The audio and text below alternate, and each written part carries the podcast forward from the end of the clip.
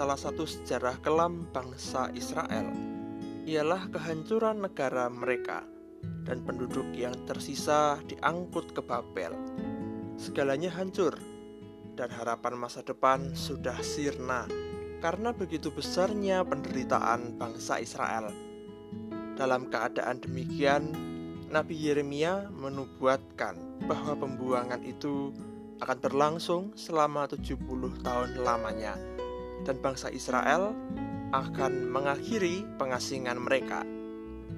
Dalam keadaan tanpa harapan, Tuhan menggenapkan janjinya melalui Nabi Yeremia itu melalui seorang asing bagi orang Israel, yakni Raja Kores. Kitab Ezra 1 ayat 1 dan 3 yang demikian. Pada tahun pertama zaman Kores, Raja Persia, Tuhan menggerakkan hati Kores, Raja Persia itu, untuk menggenapkan firman yang diucapkan oleh Yeremia, sehingga disiarkan di seluruh kerajaan Kores secara lisan dan tulisan pengumuman ini. Siapa di antara kamu termasuk umatnya, Allahnya menyertainya.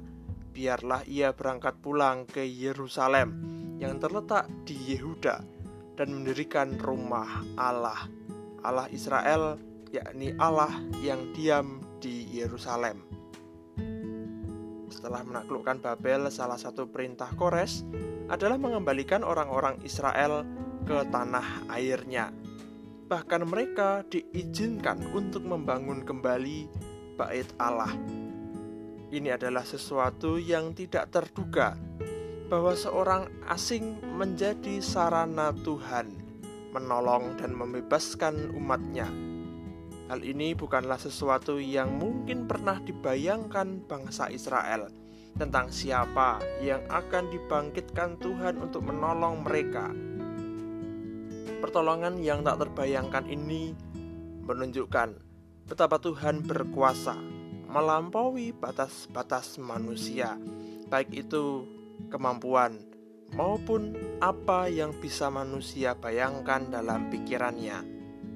Ini juga berarti bahwa manusia itu terbatas dan sangat perlu memberi ruang misteri bagi karya ilahi yang melampaui batas kemampuan manusia.